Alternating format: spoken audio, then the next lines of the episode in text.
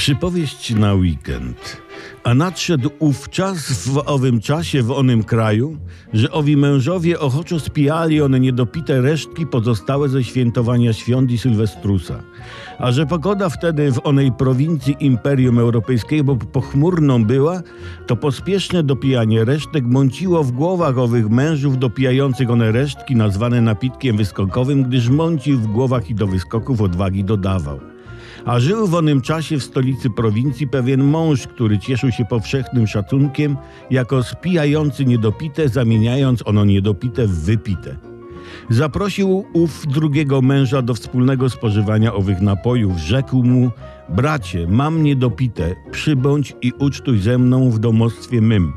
A ten mu odrzekł: Bracie, słusznie prawisz, uweselimy się razem.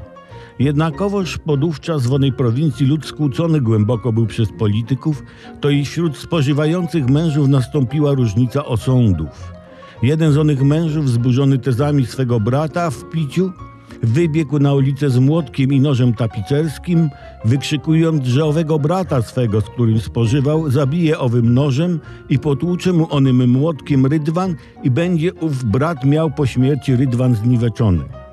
Jednako przybyli pretorianie ówczesnego prokuratora Idei, na co ów mąż obrzucił ich obelżywymi plugastwami, choć niektórzy twierdzili, że były to plugawe obelżywy. Pretorianie ujęli wzburzonego męża, do aresztu zaprowadzając jego. Zatem, bracia, pamiętajmy, jeśli kraj skłócony przez polityków i pogoda chmurna, pijmy w milczeniu, delektując się jedynie witokiem braci w konsumpcji.